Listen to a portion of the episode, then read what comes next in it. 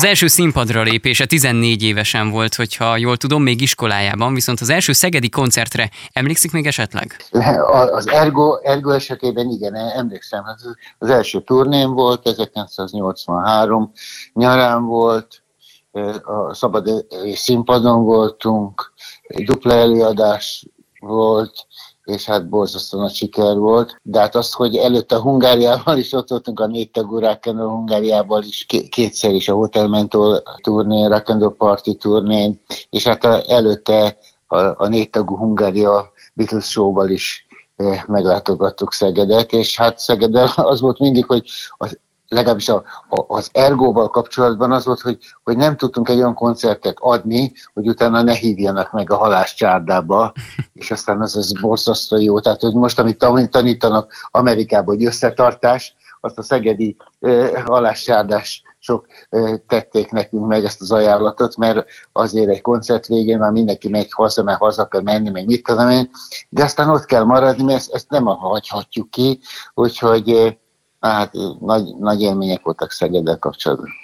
Tényleg szuper élmények voltak már sok-sok évvel ezelőtt is, viszont itt van egy újabb december 29, Szeged Ergo Valmar közös koncert az új Szegedi Sportcsarnokban. Egyértelműen a nyár slágere lett az Úristen, ezt le sem tagadhatnánk. Hogyan jött az ötlet a közös munkához, művész úr? Engem megtaláltak ez a két srác, a, legalábbis a menedzsmentemet, ki azt mondta, hogy hát figyelj, legalább hallgass meg, hogy ez fiatalok nem, mondom, én nem tudom, hogy kik ezek, de mondom, amatőrökkel azért nem nagy. Aztán nem amatőrök, mert ezek már ilyen egy egymilliós megtekintésű srácok, mondom, oké, akkor küld el. Elküldték, és már, már az első pici foszlány, zenefoszlány azt mondtam, na jó, hát ehhez van közöm. Már ahogy ők gondoltak ezt a számot, és aztán áthívtam őket, itt leültek, nálam bemutatták a számot, azt, ami akkor még kész volt, ugye még a csak részeiben, és akkor, és akkor mondtam, hogy oké, okay, de miért, miért akartok velem dolgozni? És akkor azt hiszem, hogy, hogy arra utaltak, hogy, hogy ilyen generáció nyitás legyen az ő életükben, hát mert őket a, a kislányok szeretgetik, és szerettek volna egy kicsikét tovább nyúlni, és akkor így lett, hogy nyilván az én generációmból nagyon sok ember latba esett, 10-20 embert is átnéztek, hogy ki lenne a megfelelő neki, és akkor rám esett a választás, nyilván a szülők is, ők is ezt hallgatták, Hungáriát vagy Ergot, az ő szülei, uh-huh. és aztán valahogy ez így mind a, hogy nem tudjuk, hogy gyere Bodrik kutyámat honnan ismerjük, hát ők is ismerték az Ergot számokat, Hungi számokat, és aztán így került sor az, hogy kitaláltuk, hogy kinek mi a szerepe a videoklipben, a számban, ki hogy írjuk, hogy, hogy énekeljük, mi lesz a ritmusa, mennyiben kapcsolódik ez a, ez a ritmus hozzám, meg hozzájuk, hogy mind a kettőnek elfogadható legyen, hogy a, a saját közönségünk az nem mondja azt, hogy ez borzasztó. Uh-huh. Úgyhogy ez nem volt egy, egy könnyű, egy, egyáltalán legalábbis odáig, amíg, amíg egy filozófiát kell adni egy számnak, de utána pedig ment.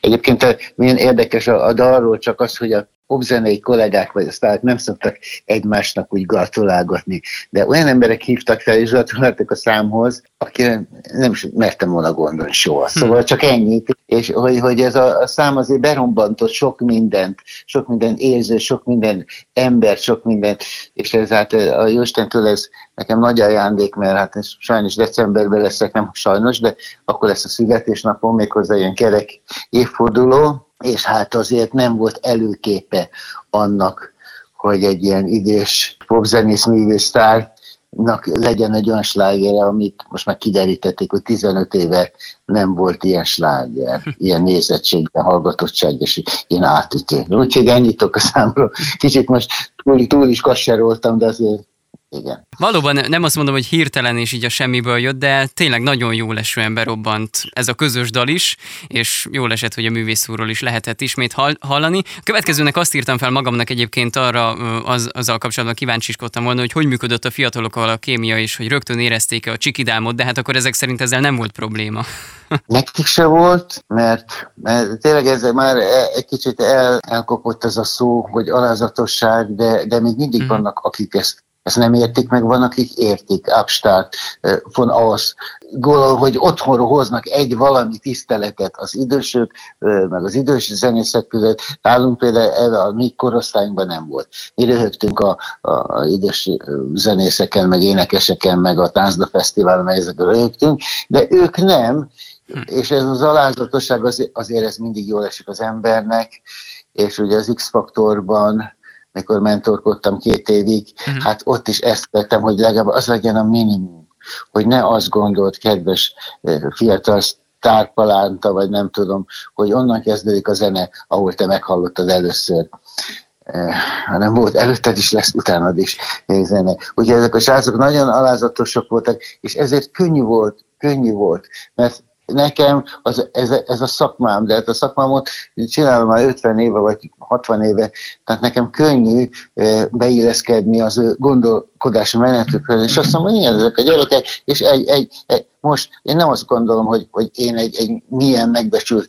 zenész vagy kis miket értem el, nem, akkor ott a stúdióban mi egyformák vagyunk, egy csapatban játszunk, egy, egy, egy szekeret tolunk egy irányba, tehát így van. Melyik a legutóbbi szegedi élménye, és melyik a legemlékezetesebb? Legyen szó akár koncertről, akár mondjuk privát látogatásról Szegeddel kapcsolatban. Szegedek kapcsolatban egy szabadtéri színpadon játszottunk megint csak egy ilyen nyári koncert után, ez 14-ben volt, uh-huh és akkor abban az évben nyertük meg a Tóth Andéval az X-faktort, illetve hát ő nyerte meg, én meg a mentora voltam, de már az egész turnén azt vettük észre, hogy, hogy bejöttek ezek a 15-16 éves lányok, fiúk, és már ők kértek autogramot, és ők foglalták el az első helyeket a színpad előtt. Ez az egyik, a másik pedig, hogy, hogy ami még jó élmény, és most be, beugrott nekem, hogy öt évig játszott a, a Szegedi Nemzeti Színház az én maskafogó musicalemet, hát azért a sokat mond, hogy, hogy, hogy milyen a közönség, hogy öltözik fel, hogy megadja még a tiszteletet Pesten már, ez, ez már csak romokban van az, hogy, hogy egy színháznak megadnak egy tiszteletet.